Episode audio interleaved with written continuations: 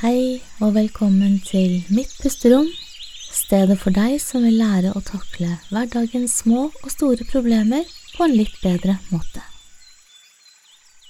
Hei, Rita. Nå er vi igjen i studio, Hei. og vi skal fortsette med trauma, fordi vi var eh, på Color Line og skrev, skrev bok, og da lagde vi en podkast. Og da, i mellomtid, så kom eh, Andrew Huberman ut på nettet med en fyr som heter eh, dr. Paul Conti, om trauma, og da tenkte jeg ja, det var jo spennende. Og da hadde da kunne vi bare ikke slutte å snakke om traumer, så vi, vi begynte med det sist. Ja.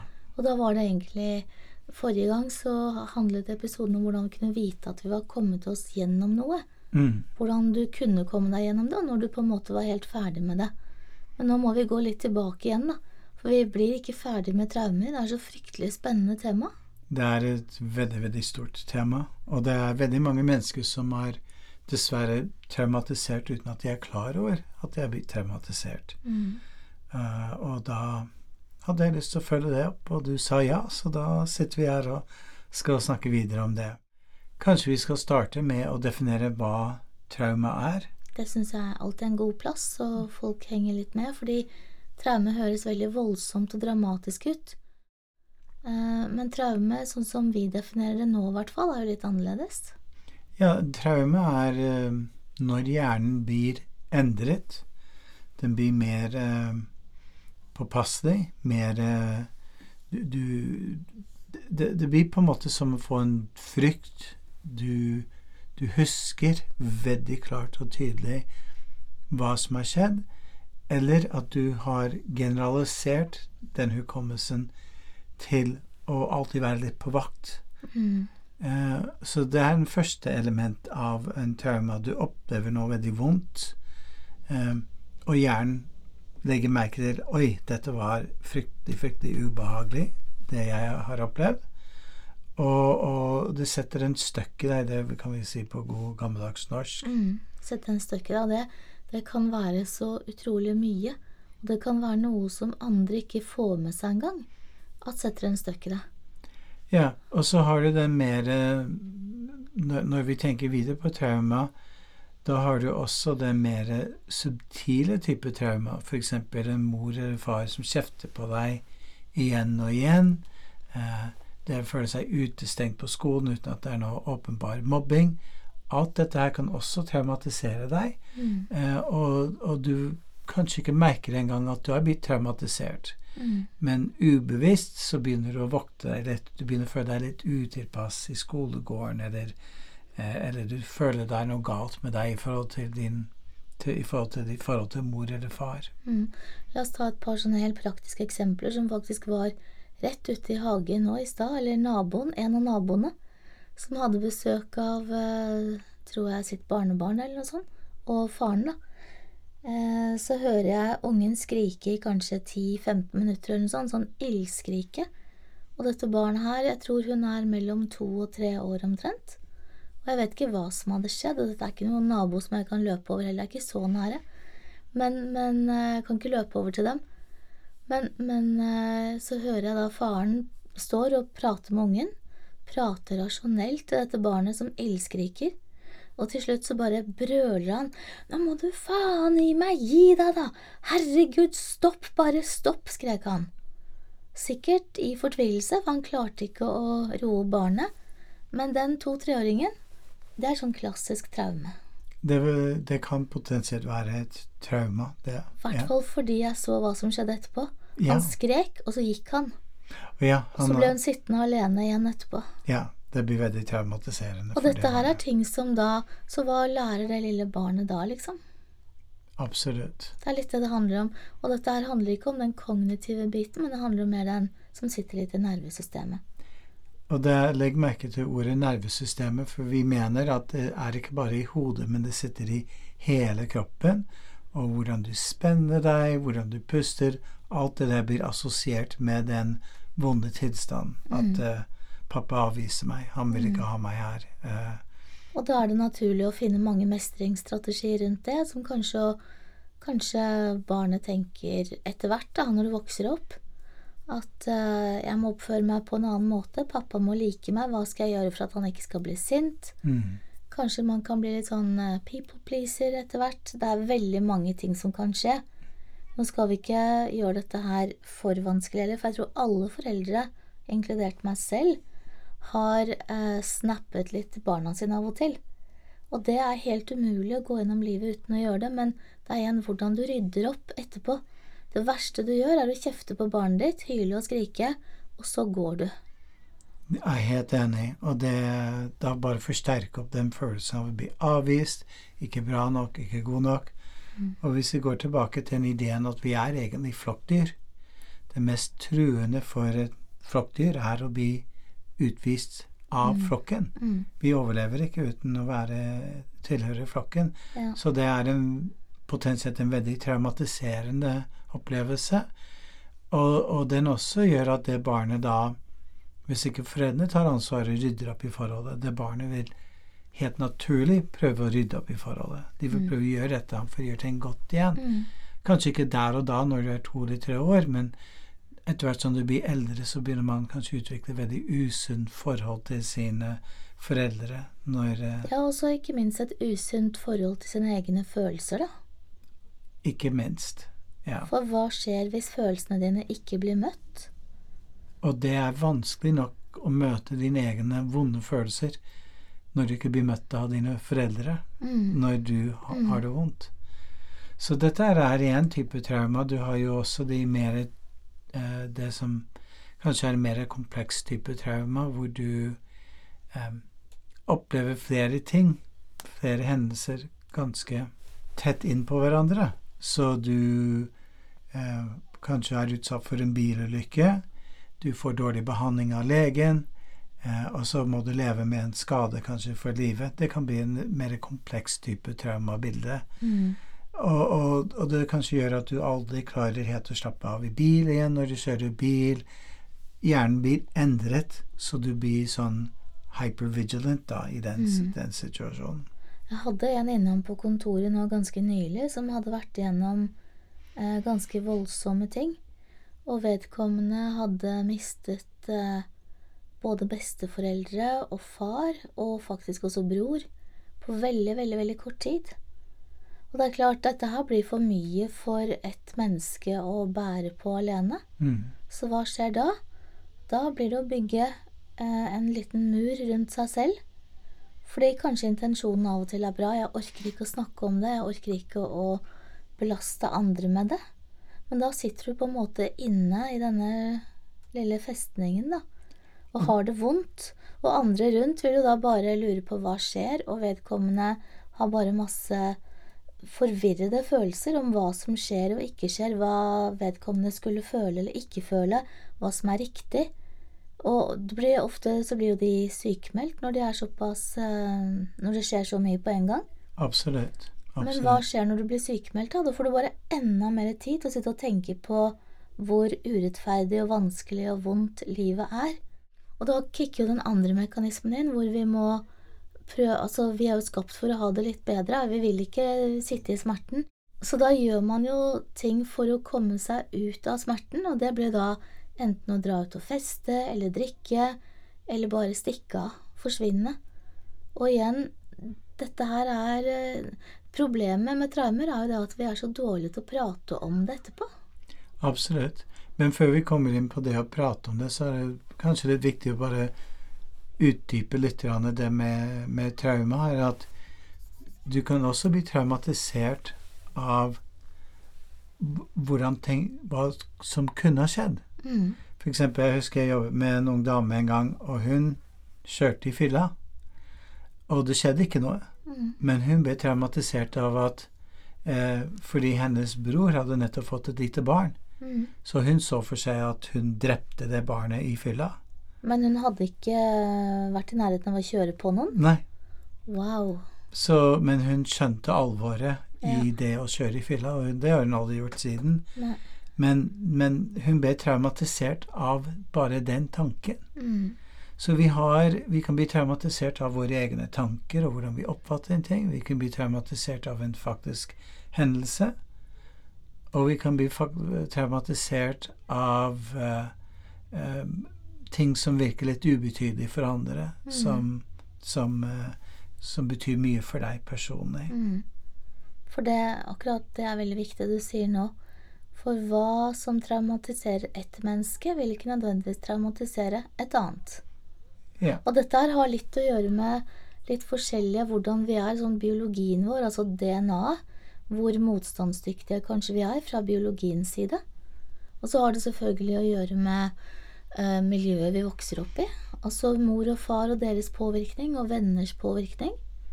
Og så har det selvfølgelig med den mestringen du føler, altså hvor mye gode mestringsstrategier har du som du vokser opp med, hvor mye tro har du på deg selv? Og det, det, er, så, det er så komplekst. Det er personligheten din, og, og, hvordan, ikke minst, hvordan du velger å se på dette her. Altså det narrativet vi har snakket om mange ganger. Mm. Hvordan velger du å se på historien din? Velger du å plukke ut de tingene som bekrefter at du var håpløs eller udugelig eller ikke fikk til ting? Mm. Eller velger du å plukke ut det som du faktisk fikk til? Hva du overlevde, hva du klarte? Og når vi snakker om valg, det mange folk ikke forstår, i hvert fall til å begynne med, er at når du gjenopplever en trauma eh, du kan, Noen ganger mennesker kan bli fanget av det.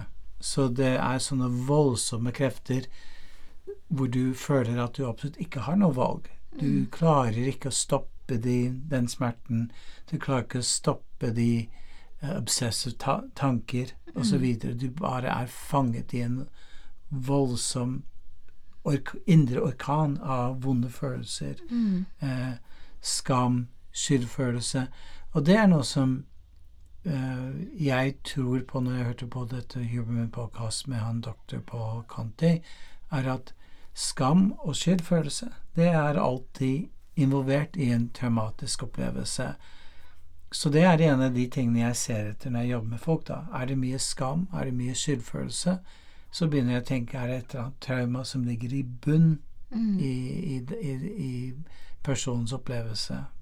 Og det, det, du sier nå, det er jo mange studier også som viser dette her. Det tror jeg alle terapeuter eh, kan underskrive på, er at eh, bak, psykisk, eh, lidel, bak psykisk lidelse, enten det måtte være angst, depresjon, egentlig hva som helst, avhengigheter, mm. så ligger det noen traumer. Og har et par venninner som har uh, i utlandet, vel å merke, men allikevel de har noen De har noen barn som sliter med, med rus. Og hun ene, hun poster, hun poster stadig vekk på sosiale nettverk for å inspirere andre, da. Og det, det som er interessant der, som hun sier, er at uh, hun har endelig nå funnet en god eh, behandler til sin sønn. Opptatt av én ting. Og de sier hva har skjedd med deg? Hva er det du går og bærer på som jo er så tungt at du faktisk må ruse deg, istedenfor da altfor mange andre går rett på løsning. Du ruser deg, du skal inn på et behandlingsopplegg, du kanskje skal begynne med noen andre piller, vi skal fikse det, men det er for mye fokus fremover litt for fort. Istedenfor av og til så må man ta og se hva, hva skjedde med deg, hvordan ble du sånn? Og så når man da er i gang med den behandlingen av en, en god terapeut, som er kanskje litt mer sånn psykoanalytisk, så må man jo gå tilbake og tenke ordentlig på Du må ta ut én og én ting, og så må du ta det ut i den hastigheten som de tåler. Og så må du ta det ut så forsiktig og så vennlig at det ikke blir skremt av det, og lukker døren. Fordi her handler det om at når du er, i, du er i en terapisituasjon med en behandler, og du sliter med mye skam, mm. mye skyldfølelse fordi du har blitt traumatisert. Og det spiller ingen rolle hva slags trauma du har blitt traumatisert av, men det vil alltid være store elementer av skam og skyldfølelse. Og den, de, de følelsene er den måten du tror andre skal møte deg med, eller hvordan du møter deg selv med. Mm. Og de gjør så vondt at du stenger dem ned, du prøver å late som at de ikke er der. Eh, og, og, noen ganger går det så veldig på autopilot at personen ikke vet engang at de stenger ut de følelsene. Mm. Og det er vår jobb som terapeuter å skape et rom hvor de kan bli møtt i de følelsene og bli akseptert. Og det er mange ganger jeg stiller folk spørsmålet hvordan føler du nå? Hvordan møter jeg deg når du forteller meg noe som er så skamfullt for deg? Og da er det mange folk som du ser at de slapper litt av, de begynner å puste litt dypere, for de forstår at her blir de ikke dømt, de Mm. blir ikke avvist. De blir heller forstått og møtt med empati. Mm. Og nå kom jeg på et, eh, et ord som faktisk en tok opp hos meg for ikke så lenge siden. Eh, Jeg har aldri hørt det før. Kanskje det er helt nytt ord som jeg tror eh, vedkommende har laget. Hun skulle sende meg en link til noe, og så istedenfor å sende meg ri- riktig link, så sendte hun en feil en, som var veldig interessant, den også. Men den var kanskje ikke helt det hun hadde ment å sende. Så ser hun da etterpå herregud, jeg har sendt feil link til Rita. Og da går hun inn i det som hun kalte for vrengeskam. Vrengeskam! Har du hørt på maken? Nei, jeg hadde hørt, noe, jeg hørt det før. Nei. Men, men jeg tror det er bare det. Dette er en fantastisk kreativ sjel som har sikkert funnet på dette navnet selv. Men det er ganske lett å skjønne, for hun sa det var akkurat som det vrengte seg i henne. Hun ble overveldet av den følelsen av at herregud, jeg har sendt en feil link. Og tenk da, hva skjer? Ja. Og hva skjedde? Jeg fikk to spennende linker. ja. Så hun skammet seg over å Har gjort en feil, rett og slett. Og, ja. og da, men dette her er jo så klassisk igjen når vi har denne lett tilgang på skammen, sånn som du sier også at hvis, hvis du f.eks. gjør noe som jeg syns er helt håpløst, så kanskje du kan skamme deg, men da vil også Hvis jeg sier sånn fy skam, Sigurd, det skulle du ikke ha gjort, eller burde du ikke ha gjort, da får jeg også, da ligger det implisitt at da har jeg litt lyst til å straffe deg etterpå. Ja. For det må jo være en konsekvens. Ja. Litt sånn som med barneoppdragelse og hundeoppdragelse. Du skal jo snart få hund, eller når dette kommer ut, så har du vel fått hund, tenker jeg. Kanskje. Vi får se. Eh, og da kommer garantert den hunden til å tisse inne mange ganger, og da må det være en konsekvens. Mm. Når hunden trekker i båndet, så må det være en konsekvens. Det er ikke fy skam, men det er alltid en konsekvens av atferd. Mm. Og hvis vi har tatt feil valg, så vil vi kanskje ganske naturlig ha lyst til å straffe oss selv litt. Det er eh, helt riktig. Det er uh, alltid uh, et forhold mellom pisk og gulrot. Mm. Og pisken her kan funke veldig bra for å endre atferd. Ellers så hadde ikke straff forfulgt oss i alle, alle år. Um, så, så Men pisken fungerer jo bare til en viss grad, da, for den jo altså den øker jo frykten i systemet. det er mange mennesker som har levd gjennom et helt liv med mye frykt. Er de glade? Nei. Har de et godt liv? Nei. Nei. så, Men så jeg tror litt blanding av pisk og frykt eh, og gulrot. Men, men i små porsjoner. å finne balansegang mellom det, ja. Absolutt. Og, og, og det er det som egentlig skam og skyldfølelse gir oss. Det er en form for um, en så smertefull følelse. Eh, og det er med på å stenge ned det vi trenger å gjøre for å bearbeide traumaen. Mm. Og det er å kunne sette ord på det, sånn som du var inne på det tidligere i Mm. podkasten. Og det å sette ord på det Jeg kommer tilbake, jeg vet at jeg gjentar meg selv her nå, men, men det er så ekstremt viktig. Det å sette ord på det på en sånn vennlig og undrende måte. Å være litt nysgjerrig på seg selv. Være nysgjerrig på hva som dukker opp. Være nysgjerrig på hva du ennå ikke forstår. Være nysgjerrig, og så kanskje en liten porsjon tålmodighet også. Det er ikke så dumt, det heller. Så for eksempel en av de intervensjonene jeg gjør med folk, mm. jeg tror du gjør noe lignende, er at jeg spiller ut den traumaen. Mm. Jeg spiller ut den vonde følelsen, den skammen og, og så videre, så sier Og nå skal du late som du er psykologen, og det er jeg som bærer på den vonde følelsen. Mm. Og da skaper vi en mulighet for personen å se seg selv utenifra Ja. gjennom et, et skuespill. Og de da begynner å trøste meg, de begynner å møte meg med empati og forståelse. Mm.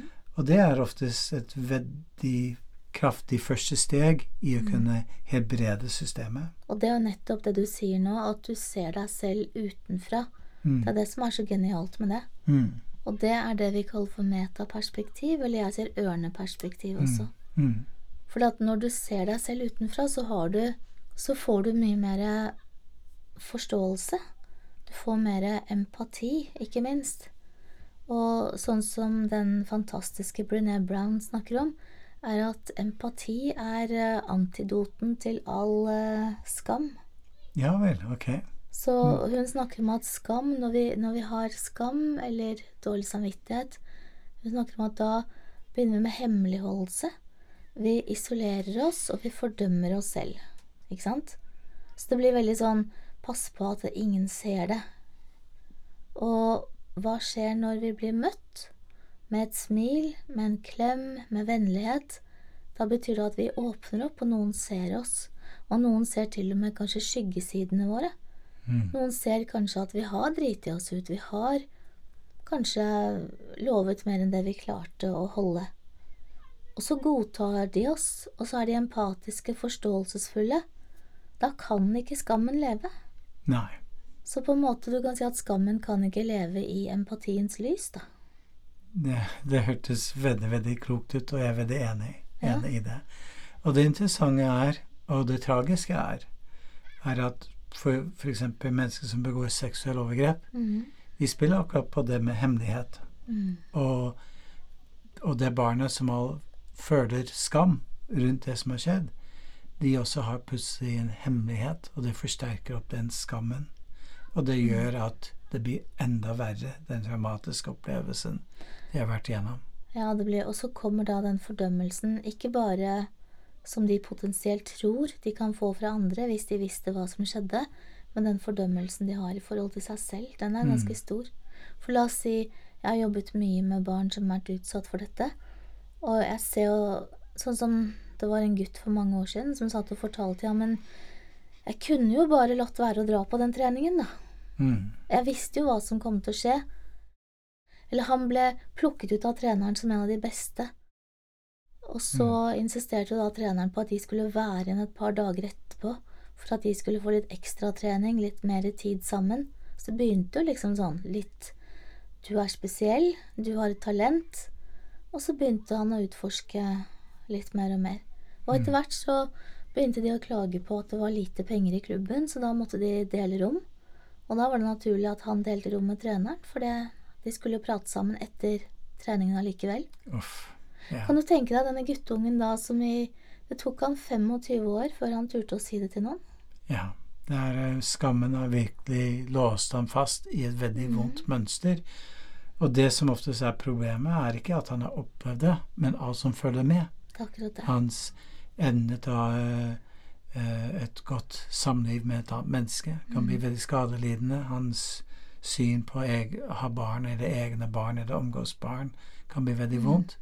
Det, er- det, det er så mange ringvirkninger som kan bli fryktelig, fryktelig negativt. Ja, det er voldsomt. Han var jo nærmere 40 da han kom til meg, og hadde valgt å ikke få noen nære relasjoner og ikke noen barn. Ja, Fordi han sa 'jeg fikser ikke relasjoner'. ja, Og dette hadde pågått i flere år. Ja. Og han sa nettopp det at jeg var Jeg var jo tenåring da det tok slutt. Mm. Men jeg burde ha sagt ifra. Jeg skulle ha sagt ifra hadde jeg bare prikk, prikk. ja, Og da er vi tilbake til det jeg sa i stad, om at uh, skammen kan ikke leve i empatiens lys. Det Nei. hørtes veldig fint ut. Jeg grøsser når jeg hører det. Det, det er inspirert av Brené Brown, da. Det er ikke helt fra mitt hode. Oh, Det er bare en liten tweak på det. Ok. Men det som jeg da tenker empatiens lys, empati i forhold til andre, det er én ting, men hva med empatien i forhold til oss selv?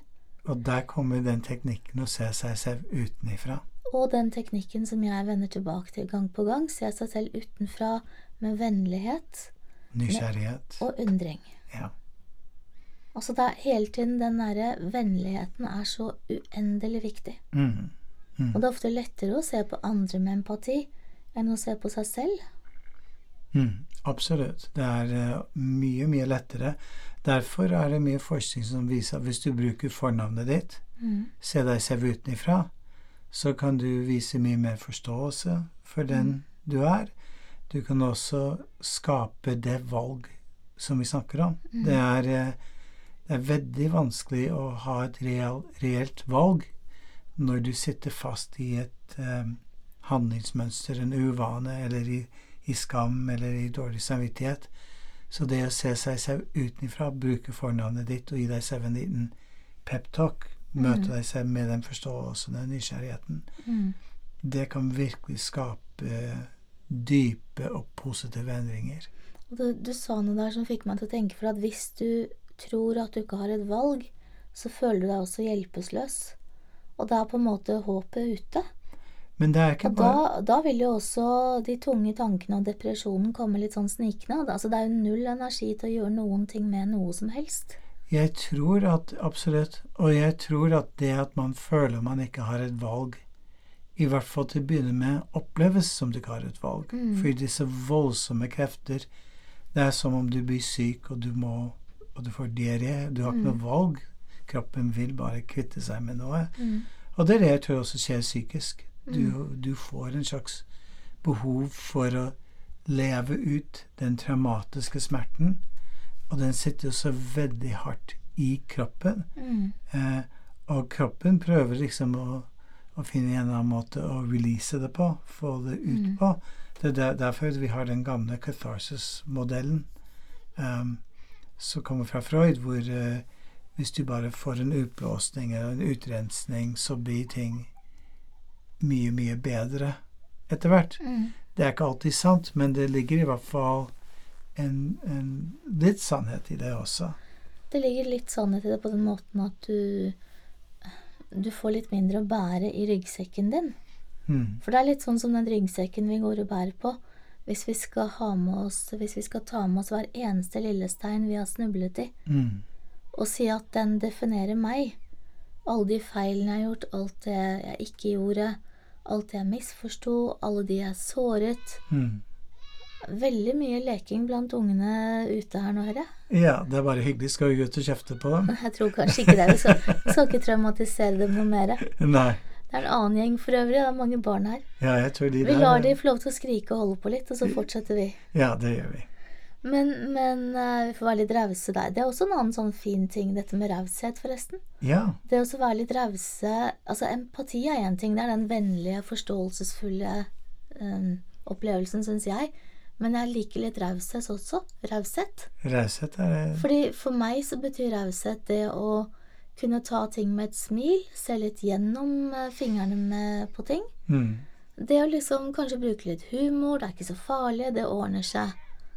Det er en ganske utrolig fin egenskap å kanskje jobbe litt for å Ja. fremme i livet sitt. Jeg tror livet Det blir mindre skam da, gjør det ikke det? Det blir mye mindre skam, mye mindre eh, dårlig samvittighet.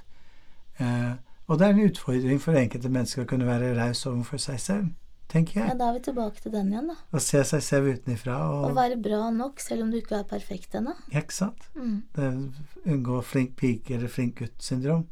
Men det er jo ganske slående også, for at for å komme litt i mål uh, La oss si at du har, et, du har et mål da, om å trene litt, eller noe sånt. Mm. Og hvis du hele tiden går og henger deg opp i at jeg, får ikke, jeg når ikke målet mitt, jeg får ikke til det, nå skuffer jeg meg selv igjen, eller nå er jeg skamfull, for nå kjolen passer fremdeles ikke, og bryllupet er om en uke, ikke sant, og hva kommer de andre til å synes da om meg? Eh, kanskje jeg har løyet om hvordan jeg ser ut? Altså, det, det er så utrolig mange rare ting folk kan sette seg mål, og altfor urealistiske mål. Og hvis de da føler at de ikke nærmer seg målet, da mister energien, de gir opp, og de Mm. slutter å bevege seg mot målet. Mens hvis du tar det motsatte, hvis du tenker at jeg er som jeg er, og hver dag så prøver jeg å bevege meg litt nærmere målet mitt, som er å være en sunn og god og glad utgave av meg selv. Mm. Hvis, hvis man gjør det, så har man en mye større sjanse hvis, hvis man aksepterer seg selv som man er. Så tror jeg rett og slett at det å komme i mål er mye lettere, for du beholder energien. Kanskje. Jeg er ikke uenig med tankegangen. Jeg kjenner at det er noen mennesker som kunne være så rause overfor seg selv at de, at de, de bare fortsetter å overspiser eller ikke beveger seg eller Ja. Livet er en sånn balansegang som vi snakket om i stad, mellom pisken og gulroten. Mhm. Og det å, å kunne kjenne på ubehaget hvis man ikke skjerper seg, hvis man mm. begynner å eh, Ja. Så det, det er en sånn, det er sånn evig ba balansegang. Men jeg tror litt av løsningen på å, få til den balansegangen er igjen det vi kaller et metaperspektiv. Og da får du, når du tar metaperspektiv, så blir du bevisst hva du driver med. Ja. Så for eksempel for meg, jeg måtte jo lage et sånn nytt motto for meg selv, jeg. okay. For å komme i en balanse. Så måtte jeg si til meg selv, Rita, nå er det pleasure before business. Jeg måtte jobbe hardt med, og ikke alltid ha business before pleasure. ja. Fordi det er sånn jeg er skrudd sammen. ja, du er veldig pliktoppfyllende og Ekstremt. Og, og det er bare at disse listene mine, de blir jo De er jo never ending. mm. Og jeg kan ha godt av å kunne si Sigurd, business before pleasure. Ikke sant? Ikke sant? Ja. Så, så nøyaktig hvordan Dette er veldig individuelt. Vi må bare se det litt utenfra. Vi må, og det er det som er, er at hva som skjer i hjernen når vi kan se oss selv utenfra? Det som, det som skjer når vi da ikke ser oss selv utenfra, er at vi blir litt stresset. Og det lille stresset som dukker opp, det skal ikke så mye til. Da mister du, akkurat som du begynner å kave i vannet. Du klarer ikke å svømme fremover, bortover, du kanskje så vidt klarer å holde hodet over vann, for du bare kaver. Og da blir du fanget av stress. Eh, Og det skal ikke så mye til å bli fanget av stress. Og da har mennesker tre reaksjonsmønster, de fleste. Det er enten bli sint, eh, det er å bli passiv, eller det er å stikke, stikke vekk. Eh, Og, og, og så finnes det en fjerde kategori, og det er det vi kaller det jeg kaller for marinjegerkategorien, og det er de som holder hodet kaldt under stress. De er veldig få uh, mennesker som er der, Um, men de er gull verdt å ha med på laget hvis du er i en stressende situasjon. Det må du situasjon. meg, da. For at jeg har fått meg en sånn klokke nå. En morsom klokke. Jeg har aldri hatt smartklokke før. Nå skal vi se hva stressnivået mitt er på mens jeg prater med deg. Nå skal vi se. Pulsen min er på 68, og stresset mitt er på 21. Ja. Det er jo, total, det er jo helt, eh, helt avslappet. ja, du er en veldig avslappet og Ja, jeg vil si du er en sånn marinjegertype. Men det som er interessant da, i forhold til disse marinjegertypene For jeg blir ofte litt sånn Jo mer som er litt kaotisk rundt meg, jo roligere blir jeg. Ja. Det må bety at du er i fullt kaos, da, siden jeg er så rolig. altså, for, men, men det er litt sånn sånn jeg, jeg hører Jeg er jo ikke så veldig glad i at det er masse lyder rundt oss når vi, når vi uh, spiller inn podkasten. Jeg vil gjerne at, vi, jeg vil at du skal sitte stille, sånn at det ikke er så masse ekstra lyder. Vi skal ikke drikke. Jeg liker å ha litt kontroll på det. Men når jeg ikke kan kontrollere det, og det er mye jeg ikke kan kontrollere, som disse ungene som hopper på trampolinen, Mm. da bare puster jeg litt sånn roligere og litt dypere. Og da tror jeg det, og det skjer helt automatisk, og da går stresset mitt alltid ned òg. Hvis folk på kontoret mitt begynner å krangle og ha, sier at de har lyst til å drepe hverandre, det skjer av og til, Um, puster jeg dypere enn noen gang og er mer rolig enn noensinne. Mm. Mm. Det, det er veldig Så dette her er sånn Kanskje det er tillært. Fra jeg var veldig, veldig liten, så lærte jeg meg å mestre smerte og mye vondt. Så det tror jeg bare sitter helt. Jeg kaller det for uh, også hikkepust. Mm. Vet, har jeg fortalt deg det før? Hikkepust? Uh, nei, jeg okay. tror ikke det. For jeg ante jo ikke hva jeg drev med egentlig før jeg begynte på yogakurs da jeg var mye eldre. Og dette her blir sånn traumer og stress, fordi jeg var utsatt for en del ting som skjedde da jeg var veldig, veldig liten, og en av de tingene som var viktig for meg, var å kunne gjemme meg fra denne mannen som da ikke ville meg noe godt. Eh, Men jeg hikket veldig mye. Og hvis jeg hikket i mørket, så ville jo han finne meg. Så dermed så ble det handlet om overlevelse og slutte å hikke gjennom For jeg, så hvis jeg begynner å hikke nå, så kan jeg bare ta et par gode pust, så er hikken over. Riktig. Så, og den der dyppusten der, akkurat samme som jeg gjør når noe er truende. Mm. Jeg puster såpass godt og dypt inn, ikke så du ser det, men jeg tror jeg tar pulsen min helt ned, og roen og stresset bare Så det du lærte når du var blitt traumatisert, var å finne ro, så du kunne skape en ro inni deg, så du ikke ble Ingen kunne finne deg. Ja, de ikke kunne, kunne ikke finne meg i mørket. Ja, ja. Og det har kanskje kommet deg veldig godt senere i livet òg, når du har Ja, møtt andre utfordringer. Så det var jo en strategi som faktisk var god å ta med seg, da. mm. Denne hikkepusten, Ja. rett og slett. Ja, og da er jeg litt inne på noe som er veldig viktig, og det er at hvis vi har overlevd noe som har vært veldig vanskelig og vondt, eh, så er det litt lurt å se på hva gjorde jeg? Hvordan Mm. mestret jeg situasjonen? og heller flytte fokuset over på den mestringen. Mm. Eh, fordi det skaper Ja, det, da skaper en, en, en ny historie, en ny narrativ i, i tankene dine, hvor du plutselig får litt mer mening Mm. og, og, og styrke. Og i forhold til den, eh, det som jeg sa selv der, var også eh, Du vet, da gikk også når jeg hadde hikkepust, så istedenfor å tenke at jeg ble hjelpeløs, at jeg var en brikke som bare ble kastet rundt, og han kunne gjøre hva han ville med meg, så var jeg en som kunne kontrollere i hvert fall pusten min. Ja. Jeg kunne kontrollere noe. Ja, Og når du får en følelse av kontroll, så går jo også angsten ned. absolutt. For jeg kunne finne gode gjemmesteder. Jeg Mm. kunne kontrollere hikken min. Mm.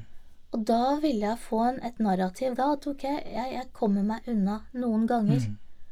Og hvis du vet at du kan komme deg noen ganger, Mm. og slippe unna noen ganger, så får du litt håp. Ja, Så det kommer masse godt ut av hikkepust. det gjør det. Det gjør det. Det gjorde det. Og da Nå har vi havnet på traumer en del, men jeg, det var én ting jeg hadde lyst til å nevne som jeg skrev opp her, som jeg bare har lyst til å gi mening for meg. Okay.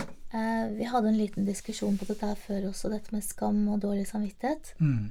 Men jeg tenker at skam, det er noe som er verre enn dårlig samvittighet, og det går på noe du er. Du skammer deg fordi at du er slem, du er dum, du er håpløs, du er noe negativt, du er ikke bra nok. Mm. Mens jeg tenker også at det med dårlig samvittighet handler mer om at du har gjort noe dumt, da. Ok. Mm. Og for meg så gir det veldig mye men mening, for at jeg kan kjenne på dårlig samvittighet eh, tror jeg egentlig daglig. Mange ganger om dagen av og til. Mm. Jeg kan ha dårlig samvittighet hvis jeg ikke sender av gårde en e-post i tide. Mm. Jeg kan få det hvis jeg har lovet noen å stikke innom, og så rekker jeg ikke å gjøre det. Mm. Eller jeg kan til og med få litt dårlig samvittighet fordi at jeg blir syk Mm. og må avbestille en time. Mm. Og det som jeg kan tenke meg, er at når du får dårlig samvittighet og blir litt stresset, da begynner du å puste enda dypere. Og da, får, umiddelbart. og da får du gjort det du hadde hatt dårlig samvittighet for. Ja, for i det øyeblikket jeg da tenker at å, søren, shit, jeg fikk ikke sendt av gårde den. Ja. Og så er klokken kvart på elleve på kvelden. Mm. Da tar jeg en liten hikkepust, og så skriver jeg den eh, e-posten. Den syns jeg var veldig, veldig, veldig godt råd til andre folk. er Tren deg selv opp til å puste dypt når du føler dårlig samvittighet eller skam. Mm. Se deg selv utenfra, bruk fornavnet ditt, og gi deg selv en empatisk coachingsesjon. Hvor du møter deg selv med empati, nysgjerrighet, Mm. raushet, støtte. Mm. Og da vil du, og hvis du trener deg selv opp til det, da vil du kunne mye fortere komme inn på et løsningsfokus i forhold til hva skal jeg gjøre for å reparere et brutt forhold hvis det handler om dårlig samvittighet, eller hvordan skal du fikse dette med noe du skammer deg over. Ja, for at hvis du går til uh, sengs, da, med mange tanker om skam, og følelser, og vonde følelser om dette med skam, Mm. så går du til sengs med det. Uh, Du tenker på det. Du ligger kanskje og vrir deg halve natten. Mm. Og da er det veldig lett å tro at jeg er et dårlig menneske Mm. som har gjort dette. Mm. Jeg er ikke bra nok, Mm. og ingen må vite om dette. Mm. Mm. Og hvis du har mye skam, så påstår jeg at det er vanskelig å ha det bra egentlig i livet, og delta i livet. Har jeg fortalt om den badeballen? Ja, kanskje, men du kan gjerne gjenta det. Ja, for at det er en sånn eh, Jeg har jo så masse rare metaforer som svever rundt. Og dette her er gjerne som jeg har med meg og forteller på kontoret når folk kommer til meg og har mange stygge eller vonde, vanskelige hemmeligheter som de da har brukt kanskje årevis på å holde nede. Og det er nesten det samme som Kan du tenke deg en sånn deilig, fin sommerdag, Mm. og så skal du gå på stranden, og så skal du leke med vennene dine, og de har, de har en ball ute i vannet, og de skal hoppe og danse og kose seg som man gjør på sommeren. Mm. Og så kommer du med din badeball, da, for den må du alltid ha med deg. Men den er eh, litt gjennomsiktig, og så er den fylt med all den driten som ikke du vil at noen andre skal se. For den er bare attached til deg, vet du. Den, den sitter fast. Okay. Men det er ingen som må se den. Mm. Og hva skjer da?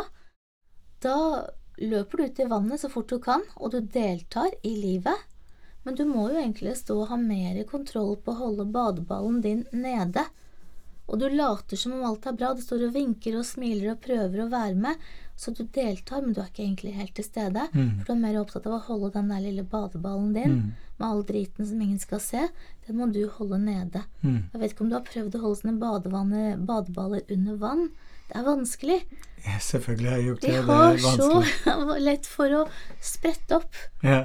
Så, så det er ganske mye jobb å holde den her under vann, samtidig som du skal stå med et stort smil og late som om alt er bra. Mm. Og det mener jeg er dum bruk av tid, og det er litt den skammen av og til, som man da prøver å trykke ned, Mm. istedenfor eh, Så ved å skamme seg, så går man kanskje litt glipp av livet.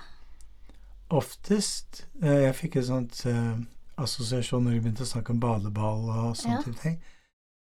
Men det, det er Da er vi inne på det sånn humor oftest går på Mm. skam. Mr. Bean er en veldig skammelig person, egentlig.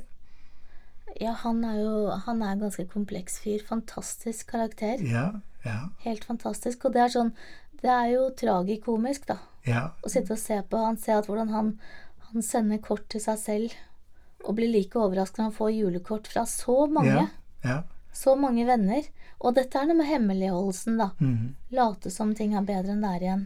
Eller- være helt isolert, stakkar. Eller når han er på badestranden og skal prøve å skifte til badebukse, og så er det Mm. bare én person til på badestranden. Stemmer det. Og så jobber han og jobber, endelig får han skiftet bukse. Og så viser det seg at den personen reiser seg og tar en hvit Så er han blind. Stemmer det. Og det handler om skam, da. Ikke Ja. at du skal se deg naken. Så, den, så, så, så nå har vi plutselig hoppet fra skam til å kunne le litt av seg selv, kanskje Mhm. også. Og se det fra et komisk perspektiv, hvis det går. Hva er det jeg egentlig driver med? Med et vennlig, humoristisk eh, blikk, da. Ja, Mm. ja kanskje. Jeg vet ikke. Jeg tror, jeg tror det er veldig fint å kunne gjøre, så lenge det ikke allerede er noe du gjør mye av.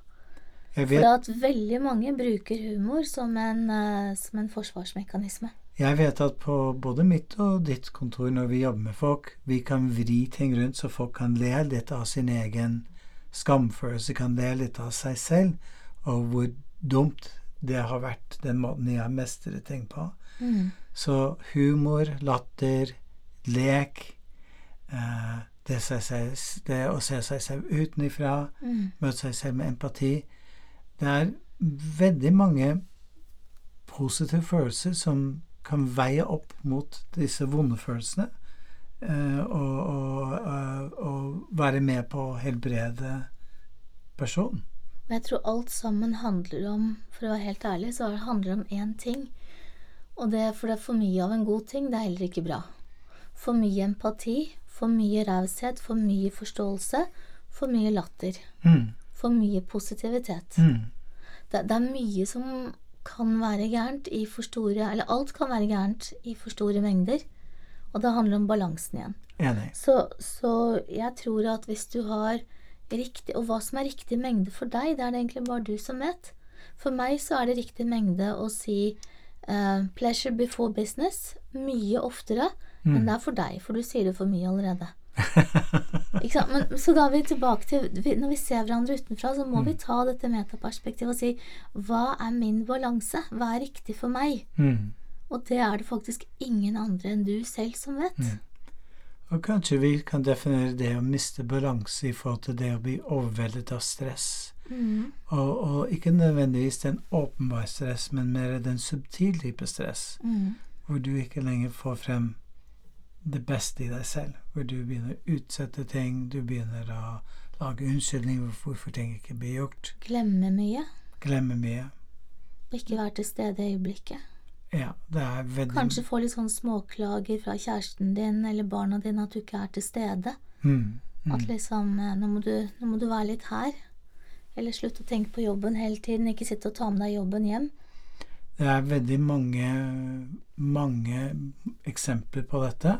Så hvis du kjenner deg igjen i noe av det vi snakker om, eh, alt fra et, et tra trauma til et komplekst trauma, eller til kanskje bare det at du blir overveldet av stress og ikke får frem en, den balanse i deg selv, begynn å se deg selv litt utenifra. Begynn å finne ut eh, Fordi jeg, jeg er veldig enig med deg, Rita. Du ofte sier løsningen ligger i det motsatte. Eh, så for eksempel eh, skam. Det motsatte av skam er jo å bli møtt med empati og forståelse. Mm. Så, så jeg syns det er veldig mye, mye, det Det motsatte av skam i mitt hode ville jo egentlig vært uh, å være fornøyd med noe. Altså, nå tenker jeg ikke løsning, nå tenker jeg bare det motsatte, altså at man er fornøyd med. Så hvis noen kommer til meg og sier at jeg skammer meg over XYZ, Mm. så tenker jeg at ok, men er det noe du kan være fornøyd med, da? Er det noe du liker?